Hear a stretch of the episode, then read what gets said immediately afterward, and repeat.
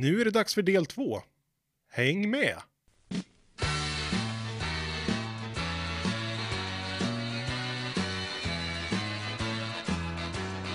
Mycket att säga finns det om corona. Vi gled ju ifrån eh, huvudämnen lite snabbt där, vilket var starten i Bundesliga. Axel, hur, eh, du som har sett matcherna och försöker vara positiv, hur eh, ser det ut? Ja, det ser ganska dystert ut, jag som försöker vara, jag som försöker vara positiv. Nej, men hur ser det ut för våra svenskar då? Ja, det är ju dit jag ville komma. Jag försöker ju hänga upp den här äh, Bundesliga-starten på någonting och jag hänger upp det på våra svenskar. För Våra, våra scouter är ju hemma i Sverige nu. Ja. Vi låter ju inte dem resa ut. Nej. men våra landslagsaktuella svenskar eh, som ska spela EM nästa år. Eh, Sebastian Andersson i Union Berlin. Väldigt fin klubb för övrigt. Eh, byggd, Ja. byggd av Ja. supportrar och Nej, det, den är frän. Jag Men- är ju inget jättefan av dem. Nej, inte jag Heller. Du kommer ihåg träningsmatchen? Jajamän. Vilka jävla svin. Ja. Det var en riktig grismatch. Ja. Jaså, vill ni flika in? Djurgården spelar en träningsmatch, en sån, eh, varje vinter så har Djurgården en, eh, en speciell, eh, lite sån publikmatch för att liksom trubba av tristessen som råder. Och ett år då så var det ju Union Berlin som var på besök i Stockholm och då, då var det ju väldigt upphåsat. Det var ju väldigt, skulle bli en het match, mycket tyska supportrar på plats och sådär. Och eh, jag, jag var ju inte och såg matchen på plats, var du då? Ja, jag var där och såg den. Och det, det var ju hetsk stämning. Och det var väl en, säkert en 1500 tyska från Berlin där uppe. Det var riktigt bra bortafölje. Och Djurgården skulle väl retas lite och satte upp en banderoll. Det stod Dynamo Berlin tror jag. Just det. Eh, Unions, Union Berlins eh, värsta rivaler. Ja. Eh, inte Hertha Berlin som man kanske kan tro men Dynamo Berlin och då, då brakar ju helvetet loss på på bortaläktaren och det blev planstormningar och från Mm. båda håll och ja, det var, det var en händelserik träningsmatch i januari. Det. Det här är en klubb som du hyllar alltså? Ja, det här är en klubb som jag hyllar. Bildad 1906, omstrukturerad 1966 efter öst och väst. Och, nej, det, det, det är en fin klubb som betyder väldigt mycket för sina supportrar. Jag kan rekommendera läsare av Offside om man inte, eller folk som gillar fina fotbollsreportage kan jag rekommendera tidningen Offside. Eh, men det som jag vill rekommendera egentligen är ju reportaget från ungefär ett år sedan om Union Berlin. Såg Som- ni Som handlar om, premiären? nej, men jag vill bara, bara säga det innan nu, att den handlar ju om att eh, det är ju en klubb som har, har en stark identifikation med att vara underdog. Mm. att eh, in, hata etablissemang. Det är en väldigt röd klubb får man säga på så sätt. Och eh, har ju varit väldigt kluvna till ifall de vill gå upp i högsta ligan överhuvudtaget. Mm. Och gjorde ju en jättesäsong och gick upp. För första gången Ja, sedan 1906. Alltså Mm. det, är, det är häftigt. absolut. Och det gör ju att den här klubben är väldigt intressant Mm. på så sätt. Mm. Eh, det finns en väldigt speciell mentalitet i klubben. Väldigt stark ti- tillhörighet men inte så stark eh, vinnarkultur. Det är lite som Hammarby. Ja, Lite som Hammarby. Eh, premiären, första matchen för Union Berlin. Fylld arena givetvis. Och fylld arena med avlidna profiler i klubben. Stora svartvita plakat över hela arenan. Eh, på folk som borde ha fått chansen att spela eller få se sitt lag i högsta ligan. Gud vad Mhm. tur att du sa det, att den var fylld med avlidna profiler. Jag fick en riktigt läskig bild. Ja, det var, det var ju bilder på dem. Ja, ja. Svartvita sådana, mycket tårar på läktarna. Det var känslosamt, häftigt. Sebastian Andersson spelar där. Mm. Eh, gör det väldigt bra, är kanske deras största, bästa spelare. Eh, bästa målskytt i alla fall. Och startar på bänken mot Bayern München på hemmaplan. Började ju säsongen urstarkt, gjorde typ åtta mål första två månaderna och sen så har han väl pytsat in två, tre till sen dess. Något Ja. sånt. Ja, jag tror man sparar lite på honom mot Bayern. Eh, men tråkigt att inte få uppleva en sån match, Bayern München, på sin hemmaarena med publik. Alltså, himla synd om dem. Mm. Oskar Wendt, Borussia Mönchengladbach, inte med i truppen, vet inte, skada, eh, petad, petad kanske, börjar bli till åren. Men Union Berlin, nu pratar du om premiären på säsongen som var. Ja. Ja, precis. Men hur gick det för dem i, i helgen? Ja, torsk. Ja. Torsk. Okej. För att det, det, var, det var den, det var, det var lite där. Ja, hoppar och gå igenom. Nej, Oskar Wendt inte med i Borussia Mönchengladbach. Augustinsson inte med. Skada. Ljumske tror jag. Låter vara osagt. Vi har ju inga scouter där nere. Är han tillbaka från skadan eller rehabar han fortfarande? Han har varit långtidsskadad, han har varit Ja. borta jättelänge. Ja, okej. Nej, det låter jag vara osagt. Jag med. Forsberg, inte med i truppen i eh, Red Bull Leipzig. Det är bra. Och sen har vi Quaison i Mainz eh, som mötte Köln. Eh, spelar från start, spelar hela matchen och men ja, inget riktigt avtryck, väldigt, väldigt medioker. Så som sagt, jag ville hänga upp Bundesliga-starten här nu på någonting roligt och någonting jag tycker är väldigt roligt är våra svenska spelare. Och i det avseendet blev det väldigt tråkigt även för mig. Men då vill jag lyfta fram eh, helgens höjdpunkt som var i Tyskland. Det var ju att Gyökeres gjorde mål Mm. för sitt St. Pauli. Eller, Inte i Bundesliga. nej, i Zweite Bundesliga. Yes. Men i Tyskland likväl. Mm. Och eh, gjorde det med, höjdpunkten där var ju inte målet, utan höjdpunkten var ju hans målgest. Jag vet inte om ni såg den? Nej. Han sprang ut mot läktarna och satte händerna bakom öronen.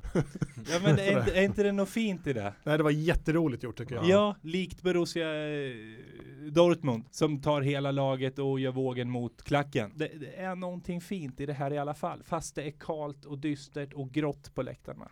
Jag, jag, Mm. jag tycker det. Men ja, det har jag redan fått säga, så vi går vidare. Eh, Allsvenskan var vi också inne på lite grann. Det händer ju inte jättemycket där, men det är ju lite snack ändå kring klubbarna och sådär. Eh, den stora snacksen givetvis, som vi inte pratar nästan någonting om i podden, det är ju eh, Zlatan. Mm. Ni som har följt eh, nyhetsflödet, vad tycker vi egentligen om det här? Är det ett PR-jippo igen, likt när Zlatan skulle gå, när han var aktuell för VM, som han aldrig var, han hade bestämt sig långt på förväg, men han, ända fram till mästerskapet nästan så teasade han ju om att, ja, kanske. Visst är det ett PR-jippo, jag tror inte man kan säga någonting annat. Precis gått in som ägare och gör ju allt för att sin klubb som han numera äger ska växa. Och det gör klubben med bara hans namns närvaro. Mm. Så det är min åsikt. Men tror du att han är aktuell för att spela? Ja, det tror jag i allra högsta grad. Men då är det ju inte bara ett PR-jippo. Jo men ja, jag tror anledning, anledningen till ja. att han är aktu- alltså även om han signar och spelar en hel säsong så är Mm. det bara för PR. Alltså han, han kommer in och gör sitt namn enbart. Det är, en- det är ju inte för att han älskar Hammarby, eller hur? Nej, det, det, det är klart, men han, jag tänker att han har ju fortfarande en, säkert en drivkraft att vinna. Och spela och växa i en klubb som han äger. även kunna ge Hammarby en bra peng. Jag menar det. Tröjförsäljning, allt och sånt. Mm. Jo, absolut, men det är det jag tänker, tror ni att det finns någon sportslig motivation i det? Tror ni att han är på riktigt aktuell för att komma och spela? Jag tror det, ja. Ja, det, det lutar väl mer och mer åt det. Men jag vet när han var i, borta i USA och härjade. Eh, då undvek han ju matcher som var på konstgräs eh, med Galaxy då, som han stod över. Mm. Eh, och nu, nu Bayern tränar ju på konstgräs, spelar på konstgräs och Mm. majoriteten av matcherna i Allsvenskan blir på konstgräs. Mm. Eh, och han är inte purung längre. Han blir väl 39 i år. Ja. Eh, och eh, det frestar ju på kroppen extra med konstgräs, det vet vi ju. ja, visst. Så, och sen är ju Zlatan just nu för mig är, står för mycket av det som den moderna fotbollen står för och det är inte Det är inte riktigt min grej så jag, jag försöker inte lägga så mycket värderingar i det men eh, Jag Och- gillar det väl inte direkt kan man inte påstå Nej, precis. Och Bayern på något sätt som är den moderna fotbollens största fiende, som verkligen inte vill egentligen det där, har ju på något sätt förvandlats och blivit den moderna fotbollen, eller hur? Jag menar, hela känslan runt klubben är ju liksom det gamla. Ja det har väl varit det i alla fall. Nu, kän- Ja. Det känns väl som att även innan Zlatan att Även om inte Ba- Bajarna själva kommer erkänna det, att det, att det har gått lite åt det hållet. Det börjar ju Eh, lite grann där med Herbalife och ja, liksom, eh, ja. de svängarna. Precis. Eh, USA-samarbetena. Nej men jag tycker det, det känns lite, lite skumt och, och, och lite, lite tråkigt tycker jag. För det är det som gör allsvenskan så. Dels för att jag håller på Djurgården men även med att vi har det här med 51% regeln att det kommer aldrig kunna komma in några majoritetsägare i, i svensk fotboll. Det är alltid, alltid medlemmarna som kommer ha, Mm. kommer ha eh, sista ordet liksom. Och det, det ska vi värna väldigt mycket om tycker jag. Eh, och därför luktar det lite illa i, mina, i min näsa. Gud vad vi kommer få bajer över oss nu. Vad tycker du Jimmy? Nej, jag, jag har inte så mycket. Jag är absolut inte överhuvudtaget insatt i det. Det, det, det, det, det jag ser mest, det är ju liksom att börjar man förlita sig på det här, eh, vinner inte exempelvis Hammarby guld i år, liksom, vad, vad händer sen? Mm. Det är mer där jag blir. Alltså sånt här, man har ju sett må- många klubbar gå på sådana här nita liksom att det blir så jävla stort och uppsnackat och sådär och sen efter två, tre år liksom då Vi kommer ju alla ihåg Ibrahim Ba. Ja, Ja, men alltså- inte, inte riktigt samma, samma kategori som Zlatan kanske. Då, nej men alltså sen, sen sjunker skeppet liksom. Men det är, det, är, det är väl kul för hela allsvenskan att det, det snackas så här. Jag menar Zlatan är ju en stor, det, det är ju en stor profil både på och utanför banan. Så det, Men, men jag tror så här, jag ska inte bara sitta här och snacka ner Bayern. Eh, det de har gjort med, med publikrekrytering och allting senaste åren, de har byggt sig en väldigt stark ekonomi, en stark Mm. organisation. Eh, och jag tror ju, tyvärr får jag väl säga, att, att Bayern kommer vara ett topplag i Allsvenskan under en väldigt lång tid framöver. Ja visst, de skapar sig förutsättningar för att kunna vara det. Ja, Samt, samtidigt sitter vi och säger, bara för några minuter sedan, att skulle Bayerns eh, supportrar kräva tillbaka sina säsongskort så konkar de. Men hur stark är man då? Nej men det, det är ju så det ser ut liksom. De, man, eh, de har ju trots allt, vad har de, 16-17 tusen säsongskort. Mm. Ja. Det blir några Eh, miljoner. Vad blir det i, hur många miljoner blir det om man räknar på att de kostar kanske i snitt 2 500 Mm. åtminstone. Det blir många miljoner. Vi får be en matematiker återkomma. Typ 3,5 eller något. Eller 35 menar jag. Ja precis, 35, 35. 35 miljoner, det är ganska mycket 35. för en svensk klubb. Förlåt. Men ja, pass, jag tycker inte att man ska behöva konka för det. Jag hoppas verkligen inte att så blir fallet. Och jag hoppas inte Och att... det tror jag, om, om, det blir, om vi kommer till den punkten att det blir, inte blir någon säsong eh, Då är det klart att man som säsongskortsinnehavare har rätt att få sina pengar tillbaka Mm. Men då tror jag att majoriteten kommer Mm. välja att, att inte, inte kräva pengarna tillbaka Jag hoppas det. Det kommer jag, inte jag göra Det kommer bli många sådana lösningar tror jag, med rabatterade säsongskort eventuellt nästa Ja, år ja. och sånt Ja. där. Men det som blir lite roligt nu med Allsvenskan det är ju att eh, lite äldre spelare ute i Europa och landslagsspelare också får ju liksom ett skäl nu. Jag menar de hade kanske en sista satsning utomlands, ett sista år, en sista säsong. Nu brinner den här säsongen inne eventuellt nästa år. Det går långt tid nu. Jag menar det är inte säkert, man får inte den här försäsongen som man eh, hade behövt i normala fall. Många är ju hemma och tränar i Sverige med svenska klubbar för att vi håller igång nu och är aktiva för att eventuellt starta. Och en del spelare har valt att vända hem. Till exempel så, en, det vart jag ganska glad över faktiskt. Faktiskt. Och det är ju inte för att jag hyser någon kärlek till laget, men Jakob Johansson gick ju hem nu. Nationalhjälten. Jajamensan. I allra högsta grad. Ni som kommer ihåg vad han gjorde på San Siro i Italien inför VM senast. Ja på Friends va, var det? Det var hemmamatch Ja, det var ju hemma han sköt ju. Sen Absolut. gick han sönder på San Siro Ja, det gjorde han. Så var och det. missade mästerskapet. Han gjorde alltså Sveriges avgörande playoff-mål eh, mot Italien som tog Sverige till det VMet. Eh, och det resultatet stod sig. Sen att han gick sönder på San Siro, det var en dystrare historia. Men inte mindre nationalhjälte för det. Likt Mikael Ballack som tog ett kort i semifinalen och missade finalen mot Brasilien. Offrade sig för laget. Lite intressant det där just Jakob Johansson. Eh, Jag tänker mer IFK Göteborg. Det, det snackas väl om mer, inte Marcus Berg där också? Marcus Berg, Alexander Farnerud. Mm. Farnerud är klar, eh, Berg Ja. har, väl, har väl ryktats ganska länge Ja, jag har varit eh, hemma och tränat va? Mm. Och de har, ju- de har ju ett helt gäng ute, Oskar Wendt, eh, i, som vi har pratat lite om tidigare. Eh, Wernbloom tror jag inte kommer hem. Nej, det tror inte jag heller. Men de har ju ett, ett gäng ute av de, av de som var där under, under deras Mm. eh, senaste glansdagar egentligen. Eh, och det är ju väldigt Vad- många bra spelare. Är, är jag ute och cyklar? Är det Kenneth Andersson som är? Jajamän, han är sportchef. Han är Sportchef, sportchef. ja. Jajamän. Så det är inte på Han är- biken. Han är som er alltså, ni är också sportchefer. Det är, Sport, vi, Sportgrupps eh, Ja just det, anslutna. ja, Mm. det är vi och Kenneth Andersson. Ja. Nej, men vi har ju många svenskar, eh, eller många, men vi, Toivonen ryktas hem, eh, Lustig ryktas hem. eh, Vi, har ju, som du säger, ganska många äldre som är ute på sin sista satsning och skulle kunna komma hem och fullkomligt förgylla en allsvenskan. Toivonen. Tror, Jag såg att det kom ett litet dregel. Ja men alltså han, eh, så, så mycket som, jag, som vi har gjort för honom. Och så ska han till Malmö. Ja och det ryktas ju i alla fall. Ja. Malmö. Vad fan tänker Karlme? Vad ska han dit och göra? På riktigt? Men alltså om vi säger, tänker rent, inte bara rent känslomässigt då, för det, det är ju för jävligt. Det tycker vi allihopa. Ja det är... Ja. Det är ju förskräckligt. Men vad, rent sportsligt, vad ska han göra i Malmö FF? Tar han plats? Tar han plats? Jag vet, alltså om man tittar på Malmös sätt att spela så är jag inte helt säker på att han gör det. Ja, och de har ju också redan nu ganska trångt på med forwardsuppsättningen. Ja, men de har ju flyttat ner Antonsson som högermittfältare. Precis, och de har ju Inge Berget som kan spela lite överallt. Ja. Guillermo Mollins, Isak Kiese Ja. på lån. Det, det kommer bli trångt om offensiva platserna. Sören Rex var väl också forward? Ja, han har spelat lite. Ja, han är ju men- wingback. Ja, Men, men om Malmö Han kan ju forwards på alla positioner. Men om Malmö kan spela med Isak Kiese eh, i sitt spelsätt så tror jag absolut att Toivonen skulle kunna platsa in. Jag tycker inte de är helt olika varandra. Nej det tycker inte jag heller, men om de har Isak Kiese i form Ja, ja. och eh, vill bygga ett lag för framtiden. Nej, det är obegripligt. Ja, då förstår inte jag riktigt varför man tar hem Toivonen till Malmö. Om, om det nu blir Om så. det nu blir så. Om det nu blir så. Däremot så om man skulle gå till Djurgården, Där Ja. finns det plats. där finns det alltid en plats. Ja, där hade, där hade han suttit fint. Dels behöver vi ha in en forward tycker jag. Ja. Eh, och eh, Ja, Toivonen är ju, är ju riktigt fin. Ja, han är ju otrolig alltså. Går jag att skeppa iväg någon också? Det finns inte så många att skeppa iväg. Det finns Nej. en, en forward, det finns väl Kujovic i, i Kan- i stort sett. Ja, Kalle Holmberg. Och Kalle Holmberg ja, såklart. Ja men kan, vi, Ja. kan vi ha Kujo och, och, och Toivonen bredvid varandra? Kalle Holmberg släpar bakom. Kan bli en spännande offensiv. Ja, Eh, verkligen. nej, ja, det vet jag inte. Det kanske blir för offensivt balanserat. Man behöver ha en forward extra. Så är det. Absolut. Ja.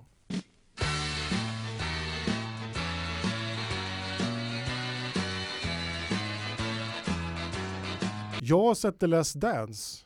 Där är du med Jimmy. Ja, eh, inte det sista avsnittet. Nej? Har du sett den Axel? Är det med Kristin Kaspersen och... Ja, nej du tänker på Let's Dance. Ja. Ja, precis. Eh, och det har ju också en viss eh, sportkoppling med att Anders Svensson svänger på sina höfter där. På ett väldigt fotbollsspelarmässigt sätt skulle jag säga. Inte brasilianskt samba-sätt. Nej, inte som Arne Hegerfors skulle sagt att de har rytmen i blodet. men eh, eh, precis, nej, utan The Last Dance, det är en dokumentär på Netflix om Chicago Bulls. Och Okej. storhetstiden på 90-talet med Michael Jordan i huvudfokus givetvis. Basketlaget va? ja, precis. Ja, Ja, ja men det är den Michael Jordan, precis. yes. Inte skådespelaren Michael B Jordan då. Nej men det är bra. Har du sett den Lukas? Eh, nej, det har jag faktiskt inte gjort. Men jag har tänkt att ta mig tid framöver och, och se den. Det är en dokumentär på tio delar då som behandlar hela Chicago Bulls storhetstid på 90-talet. Och det är, eh, det är den bästa dokumentären, sportdokumentären som jag någonsin har sett.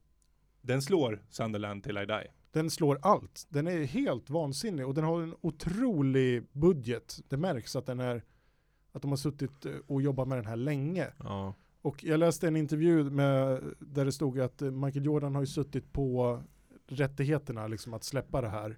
Det är han, det är han de har väntat på ett ja ifrån. Ja, de har suttit med material i i stort sett 20 års tid. Och Michael Jordan har ju bara sagt nej, nej, nej, nej fram till 2016. När, eh, och där spekuleras det i att det är för att LeBron James då tog sin tredje NBA-titel. Och där eh, spekuleras det då att Michael, Ja- eh, Michael Jordan, Michael Jackson, Michael Jordan, eh, det spekuleras att Michael Jackson ville släppa den här dokumentären. Nej men där spekuleras det att Michael Jordan eh, vill ändå, han har ju ett enormt ego, det märks ju. Ja, ja. Och att han vill absolut. visa att vem är som är den största egentligen. Mm. Ni ska inte glömma bort vem det är som är den största. Och den här dokumentären behandlar ju mångt och mycket vad Michael Jordan är beredd att göra för att vinna. Och skulle du hålla med om det Jimmy? Absolut. Och jag tycker att det är väldigt ingående i, i serien också. Liksom att det, det, det är ju inte hela tiden fullt fokus på Michael Jordan. Nej. För, för, för grejen är det, även fast han för, för jag kan säga det att jag, jag tycker att när jag har sett den här dokumentären så är han han, han är den bästa basketspelaren som någonsin har funnits. Alltså det, det, det finns sekvenser i, i den här dokumentären som är fruktansvärt sjuka. Vi- Vilket sinne och vi, alltså hans spelsinne. Ja. eh, när, när han gö- gör poäng. Och det, det, det, det är någon nu se- senaste som jag tittade, kommer jag inte riktigt ihåg vilka de skulle möta, men, men, men han sätter ju typ, är det sju, åtta trepoängare nästintill i följd. Mm. Eh, och jag tror att eh, han hade sagt någonting till, eh, jag för mig att det var Magic Johnson som skulle vara någon expert som satt vid sidan av Ja just det. eh, i publiken eller om han var någon expert. Och, och Sträckte Jordan, upp armarna liksom mot honom ja men Jo- Jordan hade ju liksom sagt någonting att nu ska du få se på, Ja. på, på någonting som du aldrig har sett. Precis varje gång han hade satt den så sneglade han ut mot sekretariatet där han satt. Det, det, det är ju helt, alltså hans första tre poängare, det, det är väl, jag vet inte om det är första poängen i matchen också. Det är det här liksom när man står utanför, han är, han är liksom två, tre, kanske fyra meter utanför trepoängslinjen. Mm. Eh, och man ser ju liksom motståndaren ofta så här så ska de stå och försöka störa och sådär. Men, men motståndaren tänker liksom, här det finns ju inte en sportmössa att han... Nej. Och sen, sen från ingenstans, han, han bara lägger i den. Mm. Det som är så intressant i den här, det är just hur kompromisslös han är. Han är, eh, han, det som ska sägas är att det är Michael Jordan är ju en av de som sitt, suttit på avtryckaren för den här dokumentären. Han Mm. är ju avsändaren. Och när man gör en sån dokumentär, till skillnad från till exempel Maradona-dokumentären som vi har pratat om, som är mer objektiv, så har ju Michael Jordan haft full kontroll över vad som kommer ut, vad som signaleras ut. Ja. Det blir ju en viss bild som, man kan aldrig få den helt ärliga bilden då. Men när jag har sett den här dokumentären så tycker jag ändå att Jordan framstår som ett riktigt jävla svin. Det är en riktigt sopig kompis på alla sätt. Alltså han, han, han är ett riktigt eh, as. Är, re- redan i första avsnittet får man se hur de, eh, hur de mobbar general managern för att han är kort och tjock. Liksom, så här, de ger han eh, pikar hela tiden och så här, han står och käkar något nå piller och frågar Michael, eh, is that diet pills? mm. Or is it short pills? Liksom så här, de håller på liksom hela tiden och öppet trackar honom. Och det finns så himla, det är kul för att det här är inspelat på 90-talet för det finns så otroligt mycket videomaterial och bra videomaterial ja. att tillgå. De har ju filmat hela tiden, både backstage på träningar, privat på hotellrum. Det, finns, det har alltid varit en kamera med på något sätt. ja. Det finns jätte, jättemycket bra material att plocka ifrån. Tänker ju bara på Dennis Rodman. Ja, När, som, när, när han bara säger jag behöver 48 timmars ledighet säger han. ja precis. Ja. Mitt i säsong bara, jag behöver, jag behöver semester. och, och han är ju liksom inte den, den mest skötsamma kanske utan han, han vill ju Nej. dra till Vegas. Och, Eh, och precis som Michael Jordan säger det till, eh, till coachen då, som till slut ger honom ledigt när han frågar, räcker det med 48 timmar? Och sen, du kommer inte se honom 48 timmar. Nej. Jag tror 96 timmar tror jag han var borta. Ja, precis. Och då, då tror jag, om jag nu minns rätt så åkte de väl och hämtade honom tror jag. Mm. Ja, precis. Men sen är ju frågan om, man kan ju diskutera vad skulle Michael Jordan vara utan Scottie Pippen? Vad skulle Jordan vara utan Dennis Rodman? Eh, och ett antal spelare till. Visst, är så, väl- så är det ju. Och de spelarna har ju hjälpt honom eh, till sin framgång givetvis. Men han har ju också haft den här förmågan att han har ju inte brytt sig om vad de andra har tyckt eller känt. Han har ju kunnat vara jäkligt elak mot sina lagkamrater, riktigt mycket av en mobbare Mm. och trycka ner dem för att bygga upp dem och liksom få dem att fokusera bara för att vinna. För vinna är det som betyder allt. programmet som var just om Scottie Pippen så, så, så spelar ju han för en egentligen, jag tror han hade tio gånger så lägre lön än vad Michael Jordan hade. Han var inte bland de hundra bästa spe, bet, bäst betalda spelarna i NBA. Nej men ändå var han ju snuskigt bra. Och det, där känns det inte som att Michael Jordan liksom går i god för honom och försöker pusha ledningen till att erbjuda honom bättre Nej. eh, kontrakt. Och det, det slutar väl med att han, han vägrar väl att, att spela under ett tag. Han, han Mm. hamnar väl lite i konflikt med, med klubben. Ja visst, han sköter inte sin rehab efter en säsong utan eh, tar semester hela sommaren och börjar rehabba när säsongen börjar. Ja. Men det, det som jag, anledningen till att jag pratar om den här, det är just för Michael Jordans enorma vinnarskalle och eh, hans kompromisslöshet i att göra allt för att vinna. Han kunde, i en finalserie så, så mötte de ett lag där en ung kille gör en jättematch och eh, efter matchen så, de vinner över Chicago Bulls. Och i slutet så kommer den här spelaren fram till Michael Jordan och säger bra match. Och det gör att Michael Jordan blir helt galen. Mm. Han, han liksom hämtar energi därifrån och nästa match så gör Michael typ 50 poäng. Mm. Och det visar sig sen att det kommer ju fram i en intervju sen att det har ju den här spelaren aldrig sagt till honom. Det är ju något Michael Jordan hittar på. Han har ju skapat det här för sig själv. Den här liksom Mm. känslan i sig för att eh, han har ingenting liksom att rikta sin ilska mot så han behöver någonting för att liksom gräva i, för att finna den här extra energin, för att finna den här eh, extra motivationen för att dominera och vinna. Han vill krossa den här killen och då hittar han på ett skäl för att göra det. Och vi har ju lite andra sådana spelare i, i fotbollsvärlden också. Och ett jättebra exempel är ju, och det var ju lite tråkigt för jag hade ju förberett det här innan jag hade sett färdigt där och innan Zlatan skrev ut att ja nu har ni sett liksom vad det krävs att eh, spela med en vinnare, vad det krävs för att vinna. Han jämfördes ju väldigt mycket med Michael Jordan och det var den kopplingen jag själv hade gjort. För de påminner jättemycket om varandra. Kompromisslösa svin på många sätt. För Zlatan har ju också använt hela tiden det här med mycket med att hitta bränsle i sin, eh, att vara en underdog och sådär. Han är ju inte en underdog på något sätt längre. Nej. Men han kommer ju från det. Tror ni att det är jätteviktigt eller det här med att, eh, att kunna, tror ni verkligen att det bara är den här typen av spelare som kan bli sådär bra? Nej, absolut inte. Men en viss typ av spelare kräver det här för att kunna bli så pass bra. Ja, bra det, det, det säger han själv, Zlatan. Och är ju väldigt, väldigt öppen med att han själv med fri vilja skapar sig fiender. Och det är precis det jag tänker att han gör nu i Sverige. Ja, absolut. Nu har han gjort sin gamla, han har inga fiender kvar. Han är älskad, han har fått en staty rest över sig i Malmö. Vad gör han då? Jo, han gör Malmö till fiende. Mm. Som, när, när han pikade egentligen, när han, när han var som på bäst under sin karriär. När var han som bäst? Första mitten tiden i PSG skulle jag säga. Jag skulle säga Inter var han också snuskigt. Ja. Ja, innan han gick till eh, Barcelona. Ja. Ja, ja precis. Men, men då var han ju tokhyllad och tokhyllad av alla i hela världen förutom England. Vad gör han? Han signar Manchester United. Jag menar, det, det, det, han, han följer ju verkligen sin röda tråd hela tiden. Ja, ja, han bevisade ju uppenbarligen att han eh, var bra nog för att spela i England. Ja, absolut i allra högsta grad. Och jag menar, vi spelade en träningsmatch mot England om jag inte missminner mig på Friends Arena. Den första matchen som spelades på Friends Arena mot England. Zlatan gör fyra mål varav en bicicleta från halva halva plan. Stackars, stackars Shawcross. Hans landslagsdebut och sista landskamp va? Mm. Ja men det, Ja. det var ju en, en, en träningsmatch, en, Mm. en, öppning, en invigningsmatch kan man säga. Ja. Som inte betyder så mycket egentligen, men det var mot England. Det brinner i huvudet på en spelare som Zlatan. Och det finns en typ av spelare som kräver det bränslet. Sen finns det en typ av spelare, de allra flesta skulle jag säga, som inte kräver det. Och Michael Jordan och Zlatan står där med sina troféer nu, liksom, de har vunnit allt som går att vinna i stort sett. Men är det okej att göra det till vilket pris som helst då?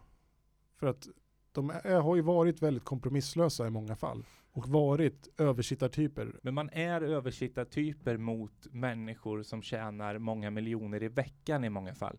Det här är Är människor... det, är det försvarbart? Ja, Varför då? Jag tycker det, för att man trampar inte på de som redan ligger ner. Är du med på vad jag menar? Men är det, är det ett skäl till att behandla andra som skit? Att de Nej. ändå har det rätt gött? Nej, det är ju ändå kollegor förstås. Det, det är Ja. det ju. Och, och man ska, Jämlikar på Ja, sätt och vis. och man ska ju dra åt samma håll, inte minst i ett lag. Men det är, det är en prestations, eh, prestationsbaserad eh, sport, fotboll och, och eller alla sporter. Och, och krävs det att en stjärna som Zlatan ska spela på topp för att laget ska vinna, men på en lagkamrats bekostnad, ja men då fyller ändå alla sin roll i laget för att gynna laget på något konstigt vänster. Jag tycker att det är okej när man inte sparkar på de som ligger, för det, det ska man inte. Nej, ja, jag är inte riktigt eh, säker på vad jag tycker. Faktiskt. Nej. Det som jag tar med mig från när jag sett den här dokumentären nu, det är att jag tycker ju mindre om Michael Jordan nu. Jag är otroligt imponerad av hans gärning, hans idrotts, hans sportsliga gärning. Men som person så är han ju betydligt mer befläckad för mig nu.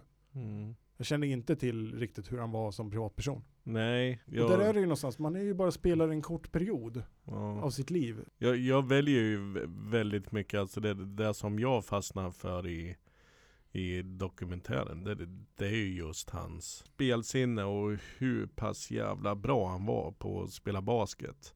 Ehm, och eh, just hans hjärna att när han behövde vara som bäst, då, då var han som bäst. Mm.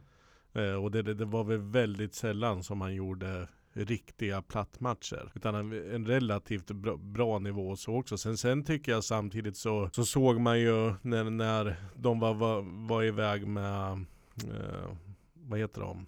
Eh, ja, Dream Team 92. Eh, alltså det är skön stämning men, men sen kommer det ju, sen kom det till att de körde ju någon intern match där. Mm. Eh, och det var väl Jordan i, som styrde det ena laget, sen var det Ma- Magic Magic, Johnson. Johnson. i det andra. Och det, där var det, det var ju helt stämning alltså. Det, det var ju hek- häskt. Ja. Som, som tusan. Och då, då kom ju vinnarskallen och det, det var ju, det stod ju mellan dem vem som var bäst. Ja visst. Eh, och då, då är ju alltså det, det, det var ju bara de två spelarna det stod mellan. Eh, Resten är ju ganska skitsamma. Men, men nej, jag, jag vet inte. Jag, jag gillade han som, som basketspelare. Sen kanske jag väljer att inte se lika mycket hur han var som privatperson. Det är väl lite samma sak som man får göra med alla idrottsmän som har hamnat i klaveret. Maradona är väl en sån också. Ja. Eh, Tiger Woods. Mm. Men eh, ni som eh, har spelat elit eh, idrotten då och spelar. Eh, ni har säkert spelat med sådana här typer. Ja. Hur är det att vara lagkamrat i en sån typ då? För det, jag, jag har ju svårt att tro, även om man intalar sig.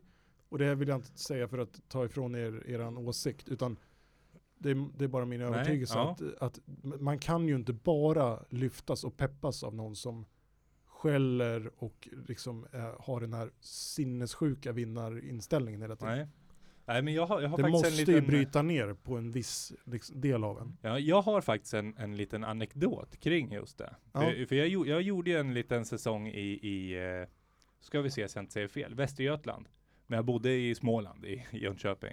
Eh, och spelade för Habo. Mm. Där hade vi just en, en väldig vinnarskalle. Det var väldigt tufft bitvis. Det var skitjobbigt. För när, när, när han var bra, då fick ju han allt förtroende förstås. En annan föll i lite skymundan och presterade inte alls. Men även tvärtom. Det blev också tvärtom väldigt många gånger. Att han hade inte sin livsmatch. Så kunde jag smälla dit ett par poäng och få förtroende. Menar, han gick ju under isen. Han, ble, han blev ju fly förbannad. Han, han var, ska inte hänga ut någon, men han, han var ju liksom värvad från ett annat land för att komma för att göra poäng. Sen var det någon jävla klen, lång, smal pojkspoling som gjorde poäng istället. Mm. Så, så det, det, det, vet inte om det lyfte eller, eller, eller sänkte mig, men när säsongen var slut, så sammanfattat rent krasst, så min livssäsong var när jag spelade med den killen. Men var det tack vare honom då? Jag vet inte. Jag vet inte. Jag har, jag har inte reflekterat över det. Vad säger du? Du som har varit både tränare och eh, spelare. Jag tänker att ha, ha en sån spelare under sig som tränare. Som Mm. ifrågasätter en Mm. och som, eh, ja, som i Jordans och Zlatans fall kanske i vissa stunder är större än vad tränaren är. Ja, nej men så är det. Jag är ju som tränare, jag har varit assisterande tränare nu två år. Ja, en matchcoach har Ja, det varit. precis. Och, och ganska ung och erfaren som tränare. Många av spelarna har mer, mer erfarenhet Mm. så än mig. Och det är klart att det, det kan vara, det är väldigt svå, en svår situation. Alltså det, eh, dels ska man ju lyssna in och ta del av deras erfarenheter. Eh, men det måste ju också hållas på en, en rimlig nivå. Eh, det är ändå jag, jag som coach då som har, som har något form av yttersta ansvar för det. Och det har ju alla skrivit under på på något sätt man Ja. väljer att spela, eller Ja, hur? ja absolut. Det måste man ju förhålla sig till, även de här. Ja, man är med på samma villkor liksom. Men sen är det klart att man ska, man ska utnyttja, utnyttja folks eh, vinnarskallar och erfarenheter och, och allt, allting naturligtvis. Eh, men det måste ju hållas inom, inom vissa, vissa rimliga ramar. Eh, jag vet ju själv in, innan jag blev coach när jag spelade, jag hade också en sån här säsong där vi hade en spelare eh, som, jag, min roll var ju passare, då skulle jag leverera bollarna till våra, till de som skulle göra poäng. Mm. Eh, en ganska, eller en väldigt viktig position på planen för att, för att spelet ska fungera. Och då hade vi en kille som eh, var, på, var på mig hela tiden, både på träning och match i, i stort sett en hel säsong. Och det till viss del bidrar det till att man skärper till sig och, och liksom väss, vässar till vissa saker och blir bättre. Men det är också tufft mentalt att få höra det där. eh, Du kan göra det här bättre, det här ska vara bättre. Eh, Mm. he, varje dag på träning och varje match liksom. Det är jäkligt tufft mentalt men det kan också bidra till viss del att man, att man kopplar på hjärnan lite extra varje träning och, och prestera bättre. Men eh, samma där, det måste ju finnas det ska, ju- det ska ju alltid vara till lagets bästa. Ja, för, för, för, för jag, tr- jag tror ju att det är ganska enkelt, även fast eh, vi, vi säger nu som eh, det här med, med passare, ja du, du lägger en för, för låg passning. Eh, och, och får höra det och så. Alltså grejen är okej, men sen kanske det blir något fel igen, ja men då, då får man en till. Alltså grejen är ju det att man, man sjunker, det, det här pratar ju vi lite om nu eh, uppe hos oss, just det här med energihinken. Så, som eh, faktiskt är ganska spännande just att eh, istället för att göra ett större hål i hinken så att energin rinner ut så, så kan man liksom försöka täppa igen den så gott det går istället.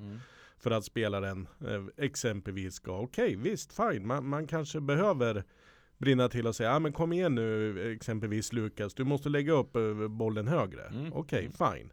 Mm. Eh, Men sen om det sker igen, då kan det liksom vara istället för att man, ja men det kommer, det kommer. Vi, nästa boll, då, då jäklar. Alltså då, då antingen håller man sig kvar på, på, på den procentuella nivån eller också så kanske man även höjer sig 2-3% och då blir det bättre. Just det. Det, det, det, det jag säger, det, det är fruktansvärt mycket med mentalitet att göra i sport. Ja, och det är en jäkla balansgång var man ska lägga nivån också. Man ska ställa höga krav, eh, framförallt på elitnivå. Eh, men det ska också vara, vara till lagets bästa som jag sa. Eh, det får aldrig rinna över att det blir att det blir bara, bara att- för att hacka på någon annan liksom. För, för att kanske lasta över ansvaret på någon annan. Precis, Eh, och båda de här exemplen, vi kan ju ta Zlatan, inte så mycket sina klubblag, men vi tar i landslaget exempel, där han har haft en väldigt speciell ställning. Mm. Under Hamrén till exempel, då hade ju Hamrén hade ju ingenting på Zlatan. Nej. Nej. Överhuvudtaget. Alla bollar skulle gå genom Zlatan, allt spel skulle gå via honom. Eh, Michael Jordan spelade hela sin karriär i Chicago Bulls. Han var ju större än klubben på alla sätt. Det finns inget förhandlingsläge där. När Zlatan däremot stö har stött på motstånd, jag tänker det här är en sak som är väldigt beroende på miljön. När han hamnade i Barcelona så gick inte det här. Nej.